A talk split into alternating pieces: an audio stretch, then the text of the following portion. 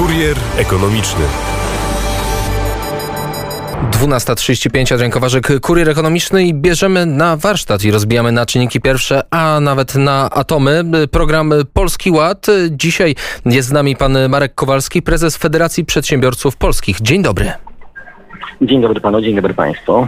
No to słowem wstępu, czy zapoznał się pan ze 130-stronicowym dokumentem pod tytułem Polski Ład? Ze całym 130-stronicowym dokumentem oczywiście tak dokładnie nie. Natomiast to, co dotyczy przedsiębiorców i, i te założenia e, z Polskiego Ładu, które są najistotniejsze dla gospodarki, tak oczywiście. Czyli, czyli de facto tak naprawdę kilkanaście e, stron, jeżeli chodzi o samych e, przedsiębiorców, więc co pan ważnego dla pana zauważył, jeżeli chodzi o poprawę warunków przedsiębiorców bądź pogorszenie? Dobrze, no to zacznijmy od tego, co lepsze, czyli od poprawy. Te propozycje, które są zawarte w Nowym Ładzie i te propozycje, które pojawiły się w debacie publicznej już e, w rozmowach również z Ministerstwem Finansów, e, dotyczące CIT-u estońskiego. Do tej pory zaproponowany wcześniej CIT estoński zasadniczo rzecz biorąc był nie do wykorzystania, ponieważ obostrzenia były tak duże, że przedsiębiorcy nie mogli z niego skorzystać w ciągu e, całego jego funkcjonowania, czyli ponad pół roku skorzystało z niego tylko 300 przedsiębiorców. E, Wspólne rozliczanie e, podatku e, VAT przez podmioty, e, podmioty zobowiązane. E, Rozszerzenie możliwości korzystania z ulgi na innowacje. To zasadzie byłyby te rzeczy, które, które są po stronie plusów, czyli w pewnym sensie to, co przygotowało Ministerstwo Finansów. Po stronie minusów w tej chwili bez wątpienia, e, bez wątpienia, aha, przepraszam, jeszcze podniesienie kwoty wolnej do 30 tysięcy, bez wątpienia jest to po stronie plusów. Natomiast to, co po stronie minusów, no składka zdrowotna e, 9% bez możliwości odliczenia. E, uderzy to Te, zwłaszcza, ta informacja się nie pojawia akurat w dokumencie Polskiego Ładu. Ale ona się pojawia już przed W debacie publicznej, tak jest. Więc ja się, ja się do tego niestety muszę odnieść, no bo, no bo to akurat jest to, to, co najistotniejsze i najbardziej może się od, odbić gospodarczo na małych i średnich przedsiębiorstwach polskich. Dlatego, że e, ci przedsiębiorcy, którzy rozliczają się w, opar- w oparciu o podatek liniowy, w tej, e, przepraszam, w oparciu o, o, o e, tak, o podatek, Podatek liniowy. 19, e, 19% podatek liniowy, e, w chwili obecnej płacą e, składki na ubezpieczenie społeczne e, i zdrowotne ryczałtowo. W tej chwili zostawiamy w miejscu, czyli bez zmian, e, składki na ubezpieczenia społeczne e, em- em- emerytalno-rentowe, natomiast e, zaczynamy rozliczać liniowo e, składkę zdrowotną. Pomijam kwestię, że to się odbije bardzo niekorzystnie kosztach e, przedsiębiorców, ponieważ one wzrosną bardzo znacząco. Natomiast wprowadza to bardzo duże zamieszanie, jeżeli chodzi o sposób rozliczania e, samej, samej składki i składki emerytalno-rentowej, ponieważ mamy jeden czynnik stały, Lekko zanika pana głos. Y, Marek Kowalski, prezes Federacji Przedsiębiorców Polskich, Tak. jest gościem Radia Wnet. Gdyby mógł pan spróbować podejść jak najbliżej okna, potencjalnie może ta jakość y, sygnału się Dobrze, nieco poprawi, bo nieco pan zanika. czy teraz jest lepiej? Wydaje się, że jest lepiej, więc słuchamy dalej. Dobra, mówiłem o tym, że y, składka emerytalno-rentowa jest rozliczana ryczałtowo, zdrowotna liniowo. Dochodzimy do absurdu, zaczniemy płacić y, od 7 tysięcy dochodu, zaczniemy płacić jako przedsiębiorcy składkę zdrowotną wyższą od składki emerytalno-rentowej, czyli to, co ma się przełożyć na ewentualne emerytury dla przedsiębiorców będzie stałe i niezmienne, natomiast składkę zdrowotną, która gdzieś tam w powietrzu nam zwiśnie, będzie dużo wyższa.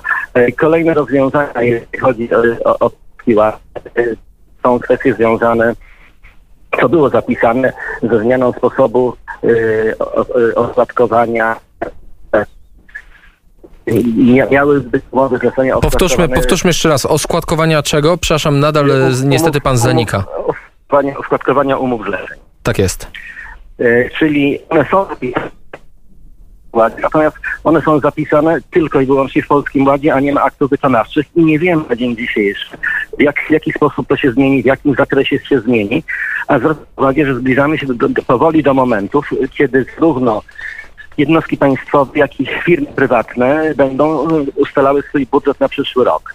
To się wiąże z renegocjacją wielu umów zawartych w zamówieniach publicznych, jak również i, i, i na rynku zamówieniach na rynku otwartym. Przede wszystkim to, co jest na minus i to, co jest najważniejsze, to jest straszne opóźnienie aktów wykonawczych do Polskiego Ładu, co uniemożliwia przedsiębiorcom przygotowanie się sposób właściwy do funkcjonowania w nowej rzeczywistości, która się pojawi po opublikowaniu aktów wykonawczych.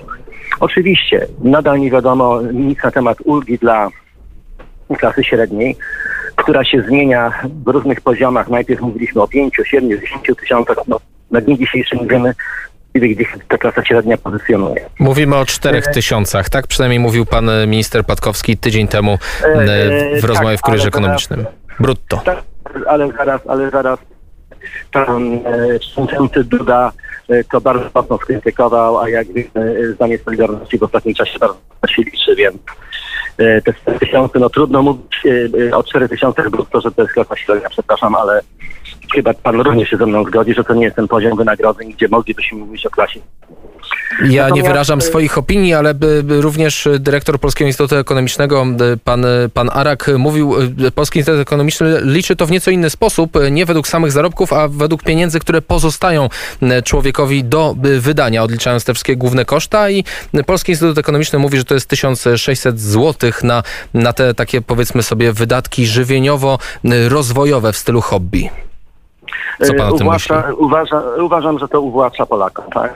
Bo jeżeli mamy się równać do, do państw europejskich i mówimy w tej chwili, że 350 euro, bo tak się rozmawiamy na dzień Mhm. dzisiejszy, e, kwota, która buduje średnią, to Boże broni. No tak, a klasa, a klasa wyższa, jak słyszeliśmy, to jest 10 tysięcy. Znowu pan zanika. Mam nadzieję, że będziemy mogli kontynuować e, tę rozmowę i fale powieją e, z pańskim głosem, tak? Mam taką nadzieję również. E, Chciałbym przejść jeszcze do, do tego, co dobre w Polskim Ładzie, żeby też zakończyć troszeczkę bardziej pozytywnie. Tak jest. E, Na pewno jest jakąś e, nadzieją i, i- taką iskierką pozytywną przygotowany przez BGK program dla jednostek samorządu te- terytorialnego. Program, który ma pobudzić działania infrastruktura e, kanalizację, wodociągi, e, e-mobilność, e, e, zielona energia, e, rozwiązania akurat Przedsiębiorcy oceniamy bardzo pozytywnie. Jest tam kilka niewiadomych oczywiście, ale generalnie rzecz biorąc, to może być koło zamachowe dla gospodarki i rzeczywiście wiele firm, zwłaszcza firmy budowlane, powiem szczerze, przyjęły to bardzo na dalsze rozwiązania, dlatego że dofinansowanie inwestycji jednostek samorządu terytorialnego na poziomie 95% y, z całą pewnością y, pobudzi, pobudzi inwestycje w Polsce i nie tylko na terenie, nie tylko w zakresie centralnym, ale również w zakresie tej Polski lokalnej, powiatowej, to jest, to jest bardzo ważne. Właśnie znowu tutaj wracamy do małych i średnich przedsiębiorców, którzy no, w samym Polskim Ładzie no, nie zostali zobowiązani. I tutaj możemy postawić e, trzy kropki, bo e, niestety e, ci- ciężko jest momentami pana zrozumieć, ale nie chodzi o to, co pan mówi, tylko chodzi o niestety jakość tego połączenia. Mimo wszystko jeszcze na koniec zakończył pan pozytywnie, a ja tutaj jakąś łyżkę dziękciu chyba muszę włożyć. Co pan myśli o kwestii związanej z osobami, które mają dwie prace, które na przykład mają swoją działalność gospodarczą jednoosobową i które są zatrudnione na przykład na umowie o pracę i piszą, płacą podwójnie składkę? No właśnie, to, to, to jest ten poziom absurdu. No, y, ta osoba dwóch i dwa razy nie skorzysta z tej samej pomocy lekarskiej.